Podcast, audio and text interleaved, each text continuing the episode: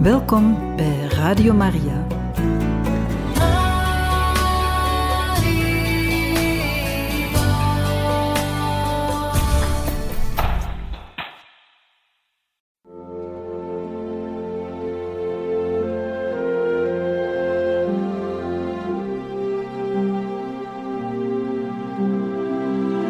Beste luisteraars van Radio Maria, welkom bij het programma Catechismus.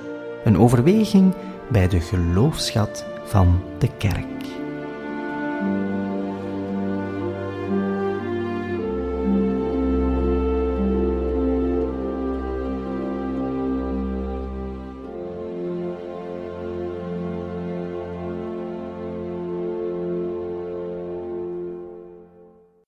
Van harte welkom, beste luisteraars, in het programma Catechismus. In deze aflevering kan u luisteren naar zuster Annelies van de gemeenschap Moeder van Vrede, die ons spreekt over wat vasten betekent en hoe we het in de praktijk kunnen brengen. Beste luisteraars, iets wat wel heel kenmerkend is voor de 40 dagen tijd, is het vasten. In deze catechesebeurt over het vasten zal ik niet veel nieuws vertellen. Het, wel zal ik het thema een beetje duiden en vooral proberen om de ijver voor het vasten weer te doen aanwakkeren. Ik spreek hier in het bijzonder ook tot mezelf. Wat verstaan we onder vasten en hoe is dit ontstaan? In de eerste plaats denken we aan minder eten, niet snoepen, geen alcohol, een tijd van verminderen en versoberen. Tegenwoordig wordt niet meer alleen gevast op voedsel, maar ook op internetgebruik, gsm, tv, ons ontzien van alles waar we te veel aan gehecht zijn. Maar vergeten we niet dit alles te doen omwille van onze liefde tot de Heer. Hoe zijn mensen ertoe gekomen om te vasten? We zien dat er al gevast werd vele eeuwen voor ons. Daar bestonden verschillende redenen voor. Men zegt dat er vroeger, naar het einde van de winter, een voedselschaarste heerste, zodat men zuinig moest omgaan met voedsel. Dit vasten gebeurde eerder uit noodzaak. Ook wordt verteld dat onze voorouders het vasten zagen als een zuiveringskuur in het voorjaar. Alle afvalstoffen die ons lichaam opgestapeld heeft gedurende de winter, worden uit ons lichaam verwijderd, om weer fris en monter te zijn, nu de lente in aantocht is. Dit wordt trouwens vandaag de dag ook sterk gepromoot in niet-christelijke milieus.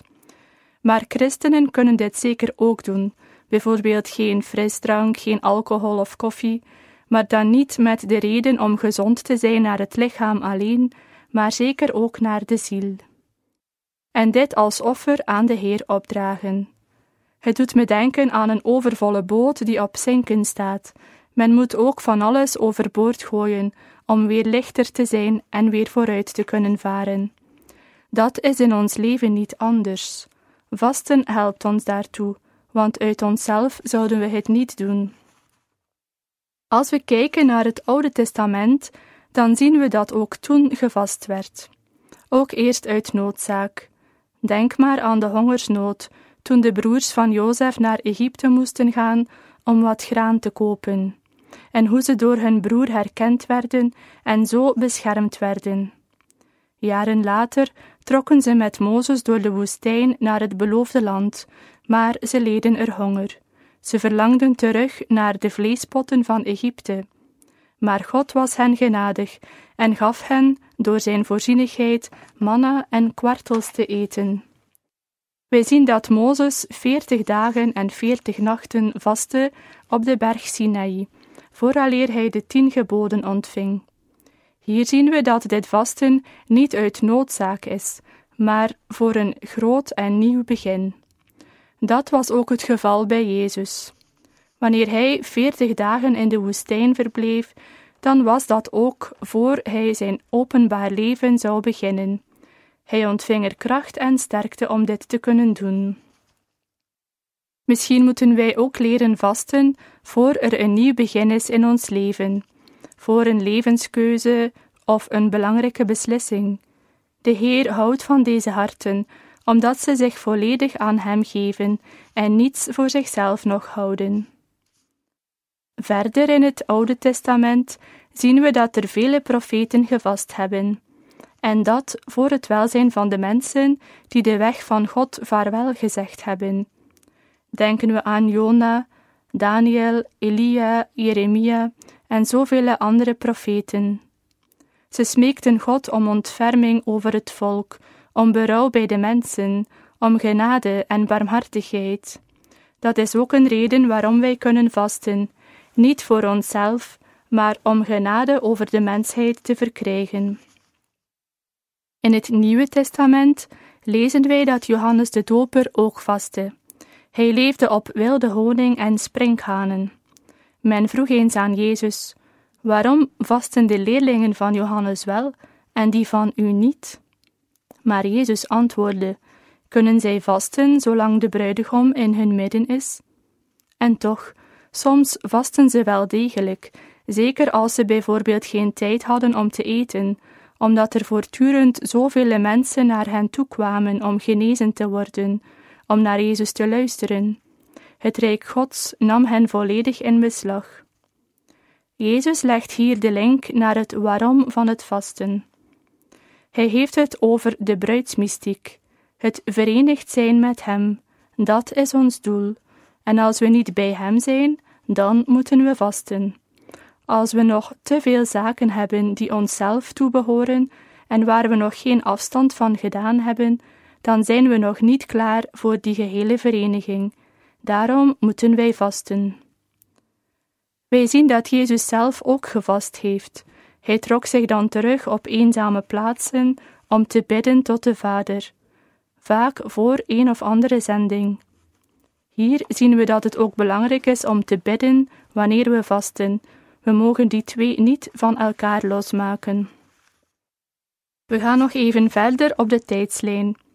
In de tijd van de eerste christenen waren er velen die zich wilden laten dopen, die christen wilden worden. Het waren voornamelijk volwassen doopsels.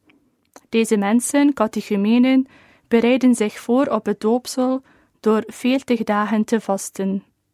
Het was meestal de tijd voor Pasen, omdat dit wel een diepe betekenis heeft.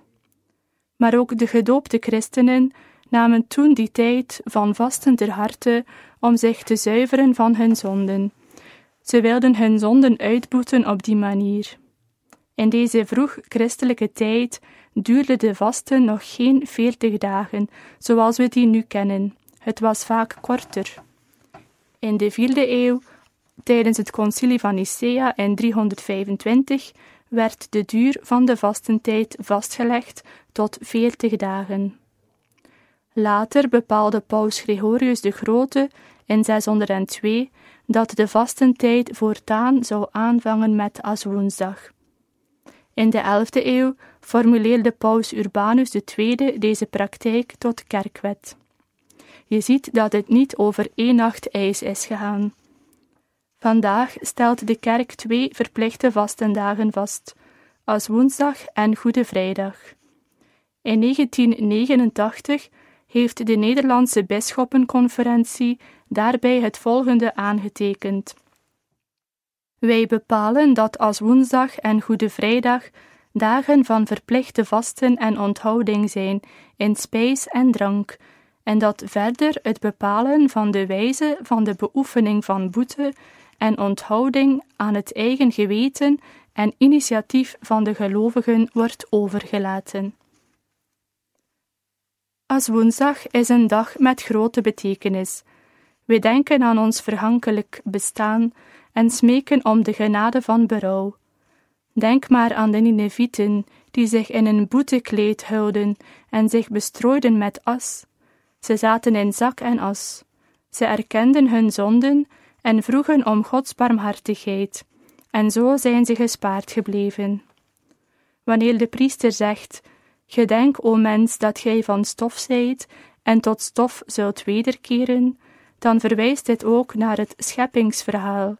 We zien er hoe Adam uit stof en aarde gemaakt werd en hoe God er zijn levensadem inblies. Dit is een belangrijk gegeven om onze vastentijd te beleven.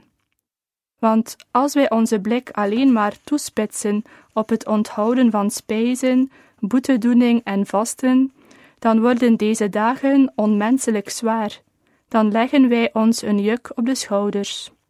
Jezus zegt ons: Neemt mijn juk op uw schouders en leer van mij, ik ben zachtmoedig en nederig van hart.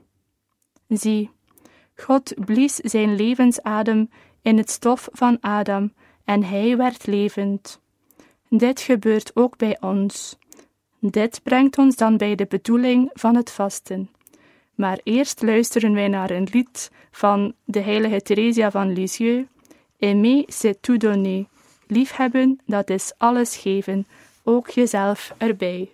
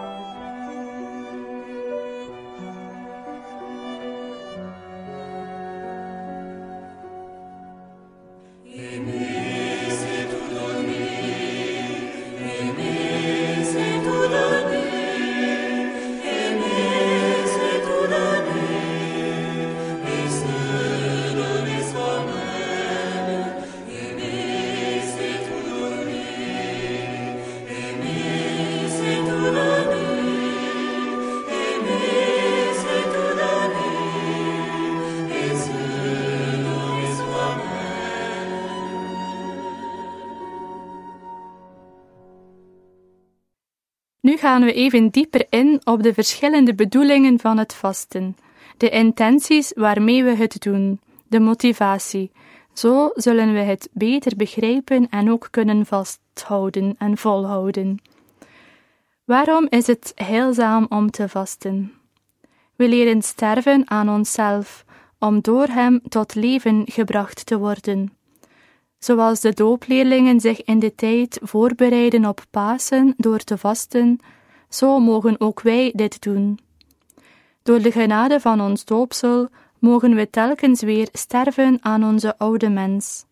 Het is daarom niet onbelangrijk te weten dat we in de paasnacht ook onze doopbeloften hernieuwen. We kiezen er dan bewust voor om te verzaken aan het kwaad en te kiezen voor de ene ware God. Ik stel voor dat we dit jaar eens bewuster omgaan met de genade van ons doopsel, dat we ons tijdens deze vastentijd daarop richten.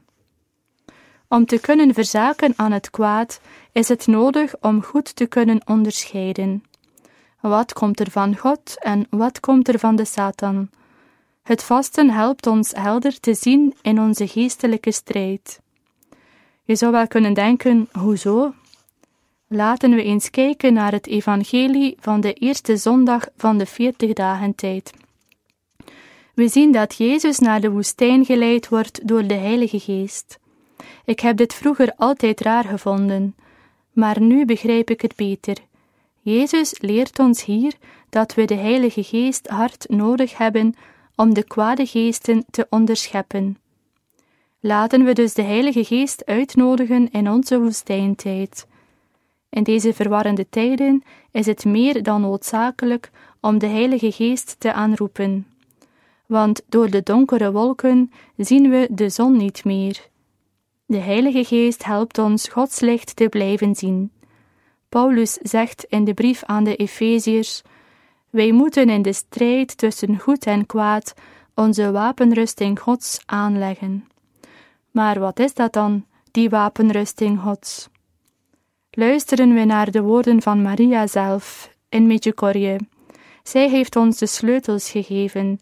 Zij vergelijkt het met de vijf steentjes waarmee koning David de reus Goliath verslaan heeft. Bijbellezing, gebed met de rozenkrans, biecht, eucharistie en vasten. Een tip van de kerkvaders. Zij zeggen: discussieer niet met de bekoorder, ga er tegenin met het woord van God. Ook Jezus zegt ergens in het Evangelie dat sommige dingen niet op te lossen zijn door bidden alleen. Het vasten erbij is dus krachtiger. Ooit kwam er een koppel naar pater Slavko, een pater in Medjugorje die in het jaar 2000 gestorven is, om gebed te vragen voor hun zoon. Hij was al jaren op het slechte pad. Ze waren ten einde raad. Pater Slavko vroeg hen: Zien jullie je zoon graag? Natuurlijk, pater. Zouden jullie echt alles doen om hem te helpen? Ja, zeker, pater, alles. Heb je wel al eens voor hem gevast? Uh, wel nee. Toen werd het stil. Daar kunnen wij een voorbeeld aannemen. Ook vele heiligen hebben gevast en hebben veel bekomen bij de Heer. Denk maar aan Pater Pio, zuster Faustina, heilige Charbel en andere heiligen. Vasten helpt ons ook om los te komen van onszelf. Vroeger mocht men bijvoorbeeld geen vlees eten op vrijdag. De vrijdag is ook doorheen het jaar een dag waar wij ons verenigen met het lijden en de dood van onze Heer Jezus Christus. Hij werd in het vlees gedood, opdat wij zouden leven in de geest. Wat een wonderbaarlijke ruil. Het nalaten van vlees eten verwijst naar het nalaten van onze vleeselijke neigingen. Paulus somt een hele lijst op net voor hij de vruchten van de geest aanhaalt. In de brief van de Halaten. Laten we dus sterven aan ontucht, onreinheid, losbandigheid, afgodendienst, toverij, vijandschap, twist, afgunst, woede-uitbarstingen, intriges, ruzies, partijschappen, jaloersheden, drinkgelagen, orgieën en dergelijke meer. Met andere woorden, de praktijken van de zelfstucht. Dit is verreweg de belangrijkste reden om te vasten, de bekering van ons eigen hart en dat van de hele wereld. Dat vraagt een ware uitzuivering. Jezus zegt het zelf: niet wat buiten de mens is, is vuil, maar wat van binnen de mens komt, wat uit zijn hart komt. Omdat we vaak zo hard leer zijn, is het voor ons nodig dat ons lichaam het ook eens voelt. Te vaak minimaliseren wij het vasten. Oh, als we maar ons innerlijk bekeren. Ja, dat is natuurlijk waar, heel erg waar, maar wij moeten ons lichaam leren dat het onze geest moet volgen. Het vraagt om de gave van zelfbeheersing. Dit is trouwens ook een vrucht van de Heilige Geest. Te vaak volgt onze geest ons lichaam. Het vasten sterkt onze wil. Het vasten vraagt iets van ons lichaam. Wanneer we met ons lichaam iets offeren aan God, dan kunnen we zeggen dat we ons echt geven. Het is niet moeilijk om tijd of geld te geven, alhoewel soms ook wel, maar vasten vraagt meer. Het vraagt van onze vitaliteit. Wij merken op hoe wezenlijk het voedsel is. Pater Slavko zegt: Het vasten brengt aan het licht daar waar wij afhankelijk van zijn. Als we vasten op water en brood, dan komen er vaak alle soorten gedachten in ons op over chocolade, sigaretten, wijn, frietjes en andere dingen. Dan zie je ook deze dingen waar je aan afhankelijk bent geworden.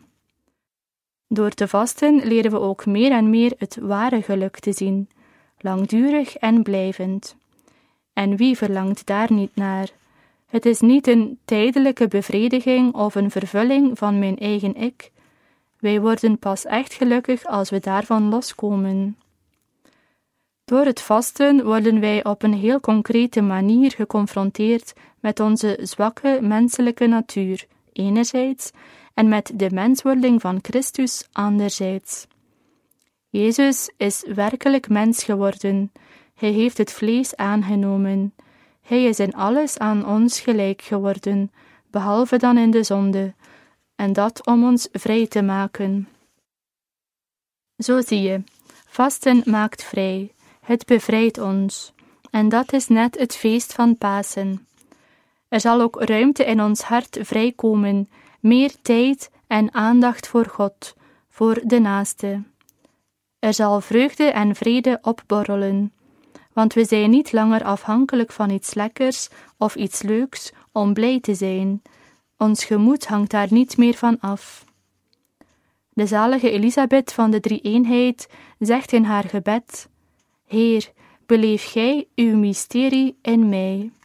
Hoe mooi, in de veertig dagen tijd worden wij uitgenodigd ons leven op het zijne te leggen en om zijn leven in ons leven te beleven, op een concrete en werkelijke manier. Maar hoe kunnen wij zijn leven op ons leven leggen? Door te kijken, te luisteren naar Jezus, door het te durven stilmaken in ons hart, in ons huis, in onze omgeving, ons terugtrekken in onze innerlijke cel, alle prikkels van beelden en geluiden laten vallen om naar Hem te kijken, Daarom is het lezen van de evangelieteksten zo enorm belangrijk. Leer kijken naar wat Jezus meemaakt, hoe hij reageert tegen de Fariseeën, hoe hij niet begrepen wordt, tot gefolterd, tot de dood. Sta daar eens bij stil. Zo zullen we hem beter kunnen navolgen en zullen we niet langer bang zijn van ons eigen kruis. Denk niet altijd aan de te grote kruisen, die zijn er zeker ook: het verlies om een geliefde, een ziekte, eenzaamheid, slechte verstandhouding in het huwelijk. Maar kijken we ook naar de kleine kruisen van alle dag. Zich niet begrepen voelen, zich ergeren aan iemand, in de file staan, het programma dat in de war gebracht wordt, onvoorziene omstandigheden. Let er maar eens op, telkens wanneer je innerlijk zucht of moppert, daar zit misschien wel een kruis onder. Het zijn allemaal uitnodigingen van de Heer om Hem van heel dicht te volgen. Hoe vaak zegt Hij aan zuster Faustina: Hoeveel zijn er die mij willen volgen, maar niet op mijn kruisweg? Het vasten bevrijdt niet alleen de mens van zijn ikzucht, maar ook de natuur wordt bevrijd. Paulus zegt dat de schepping barenswegen leidt en vurig verlangt naar de verlossing. We zien dat toch ook gebeuren rondom ons. Je kunt creatief zijn in het vasten en bijvoorbeeld minder autorijden en meer fietsen of minder plastic gebruiken. Maar doe het dan met een intentie, niet louter voor de natuur alleen, maar om de schepper te eren en om met hem mee te werken aan zijn schepping. Doe het bijvoorbeeld opdat meer mensen de schepper mogen leren kennen en beminnen, of voor een nieuw Pinksteren in de kerk, of voor het leven, opdat er minder abortussen zouden plaatsvinden. Maria zegt in Medjugorje dat wij natuurrampen kunnen vermijden door te vasten, zelfs oorlogen opheffen, waarom ook geen pandemieën doen stoppen. Sir Marie Emmanuel van de gemeenschap van de Beatitude uit Medjugorje zei ons ooit in een conferentie: Wat is er gemakkelijker, vasten op water en brood of de chaos na een aardbeving opruimen? Een andere zuster van dezelfde gemeenschap, Sir Emmanuel in Medjugorje, vertelt in een boek over vasten hoe vasten zelfs de logica van de natuurwetten kan opheffen. Zo zegt ze: Iemand vertrouwde haar toe dat ze een zeer zondig leven had geleid. Ze deed een poging tot zelfmoord. Omdat ze verpleegster was, wist ze perfect welke pillen ze moest innemen om zeker te zijn van resultaat. Ze nam de hoeveelheid in, maar de volgende dag werd ze wakker, kerngezond. Dat was niet normaal. Ze was er helemaal ondersteboven van en dacht: Misschien is er iemand die niet wil dat ik doodga. God misschien. Door die schok kwam ze tot geloof. Ze vertelde het aan een collega waarmee ze goed bevriend was. Hij zei: Ik heb voor jou gebeden en gevast op water en brood. Nu begreep ze alles. Zijn vasten had voorkomen dat de natuurwetten vat zouden hebben op haar lichaam. Zo zijn er vele sterke getuigenissen, onder andere ook van gezinnen die weer bij elkaar komen na een scheiding, of van een windhoos die zich verplaatst heeft. Vragen wij de Heer om meer geloof en daadwerkelijke moed om te vasten, zodat wij, wanneer ons lichaam protesteert, blijven bij de beslissing die we nemen om te vasten. Het is zeker niet gemakkelijk, dat zeg ik ook tegen mezelf. Of denk maar aan de huismoeders die moeten koken voor hun kinderen en het lekkere eten ruiken. Of aan de vele gedachten: nu moet je toch wel eten of je zal zwak staan. Of Pater Slavko zei het op een andere manier. Als je wil stoppen met roken bijvoorbeeld, zeg dan niet: ik ga morgen stoppen, maar alleen nu nog eentje roken. Nee, doe het omgekeerd. Zeg: ik ga morgen eentje roken en nu stoppen. Je kan dus ook beginnen met vastenpuntjes, als water en brood te moeilijk is in het begin. De Heer wil ook niet dat je eraan onderuit gaat. Gebruik ook je gezond verstand. Maar anderzijds, onderschat je lichaam niet, het kan meer aan dan je denkt. Ook kinderen kunnen sterk zijn. Je leert ze ook sterk te zijn door een offertje te doen, elke dag, ze mogen niet streng vasten, maar ze kunnen wel iets laten of een extra inspanning doen. Priester Poppe zei tegen de kinderen: Elk offertje is als een bloem. Pluk vele bloemen vandaag en zet die vanavond in de vaas bij Maria. Dan zal ze een heel boeket krijgen. Bejaarde mensen en zieke mensen hoeven zeker ook niet streng te vasten of niet te vasten. Hun lijden is al een groot offer. Tot slot wil ik nog enkele tips meegeven bij het vasten. Het belangrijkste van alles is dat we elk offer, elk vasten, elke versterving met liefde doen voor Jezus. Moeder Teresa zegt: liefhebben tot het pijn doet. Zonder liefde zijn we als een schelle symbaal, dan baat het ons helemaal niets. Maria vraagt ons ook om naar het kruis te kijken als het moeilijk gaat, in stilte, want alleen daar is redding. Als we dus Jezus willen navolgen, kunnen we ook Hem volgen op een meer radicale wijze. Vragen wij de gave van creativiteit, vasten in beelden, in woorden, hoeveel nutteloze woorden spreken we vaak niet uit, of kwetsende woorden. Vasten door bijvoorbeeld de muziek niet de hele dag te laten spelen. Vasten met zintuigen, met onze tong, met onze ogen. Vasten in onze nieuwsgierigheid, kwaadsprekerij of bedweterigheid. Er zijn vele vormen van innerlijk vasten. Verenig ook jouw offer met zijn offer. Dat is heel belangrijk, opdat het vasten vele vruchten zou dragen. Wij zullen de vruchten niet altijd zien, vaak blijft het in het verborgene. Maar de Vader die in het verborgene ziet, zal het u vergelden. God kijkt naar ons hart, naar de intenties, naar onze mogelijkheden, naar onze inspanningen. Hij kijkt niet naar het uiterlijk. Mensen wel, wij kijken heel vaak naar het uiterlijk, omdat het ook maar dat is wat we zien. Maar let erop niet te oordelen over de ander. Kijk niet in het bord van je buur. Zeg niet in jezelf: Ah, die drinkt toch koffie vandaag, of die eet een banaan. Nee, Jezus is misschien gelukkiger om je offer van je zwakheid dat je toch een banaan moet eten. Deze vernedering is misschien een groter offer voor jou.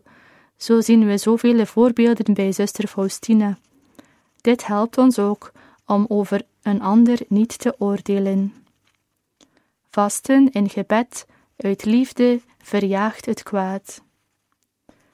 Wees ook barmhartig wanneer je vast, en mild voor de ander, anders is het beter dat je niet vast.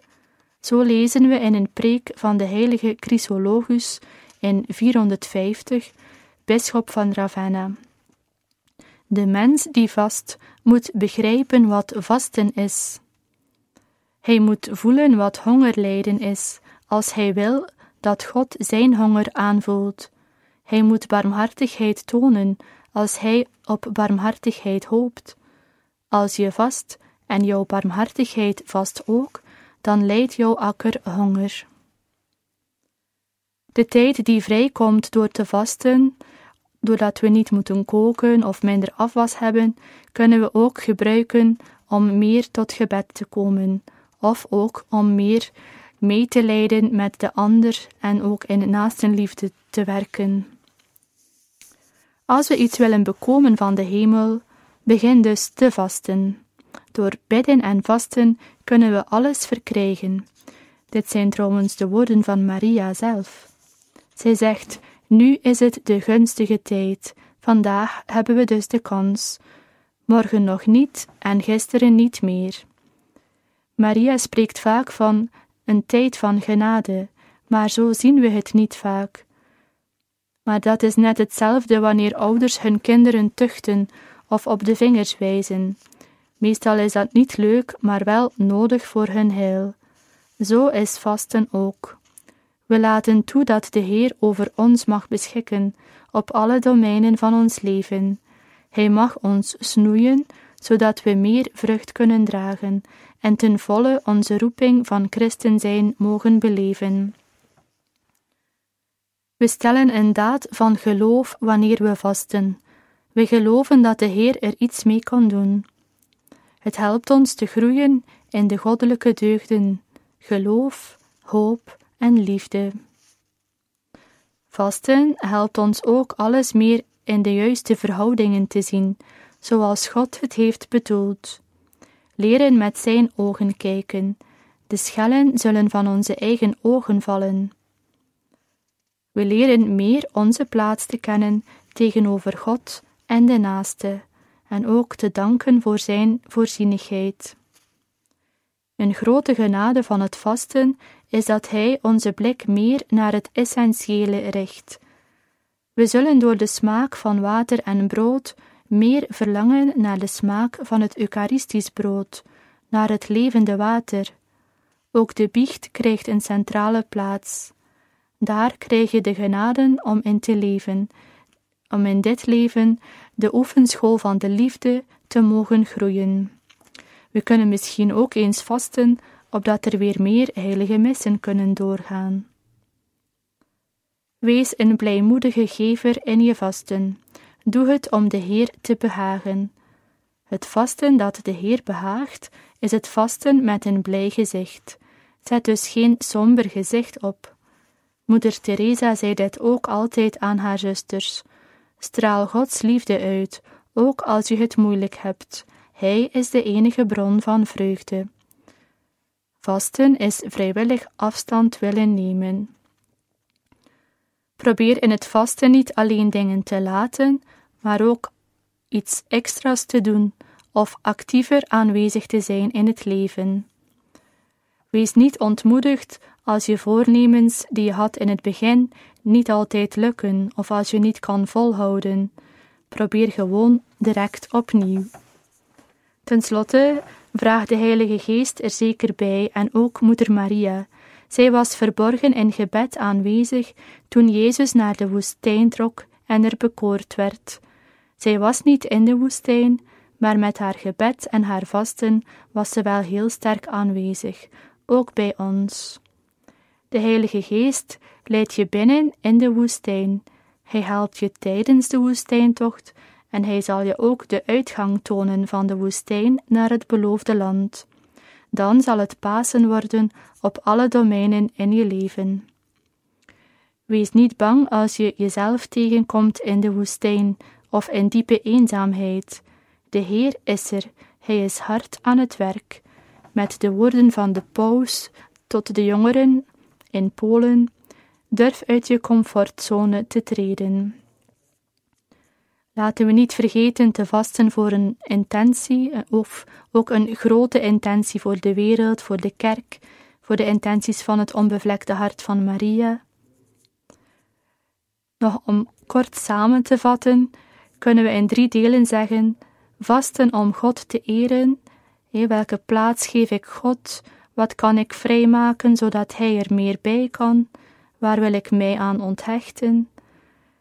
Twee, vasten uit bekering van ons eigen hart, zien dat alles met een zuivere intentie gebeurt zonder eigen belangen, met een rouwmoedig en vernederd hart, en tenslotte ook vasten om anderen daadwerkelijk te helpen door het vasten. Dit zal ons leven een pak eenvoudiger maken.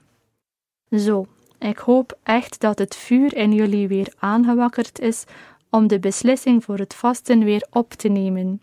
Ik verlang al om jullie getuigenissen te horen van Gods wonderwerken in jullie leven. Laten we voor elkaar bidden, zodat we allen mogen gezuiverd worden door het vasten en nieuw leven mogen ontvangen op Pasen. Met de woorden van Maria wil ik nog eindigen. Keer terug tot gebed en tot God. Mogen de maat van uw levenswijze de liefde zijn Vergeet niet dat gebed en vasten wonderen kunnen doen in u en in uw omgeving. Doe alles wat ge doet tot eer van God. Dan zal de hemel uw hart vervullen met vreugde. Amen.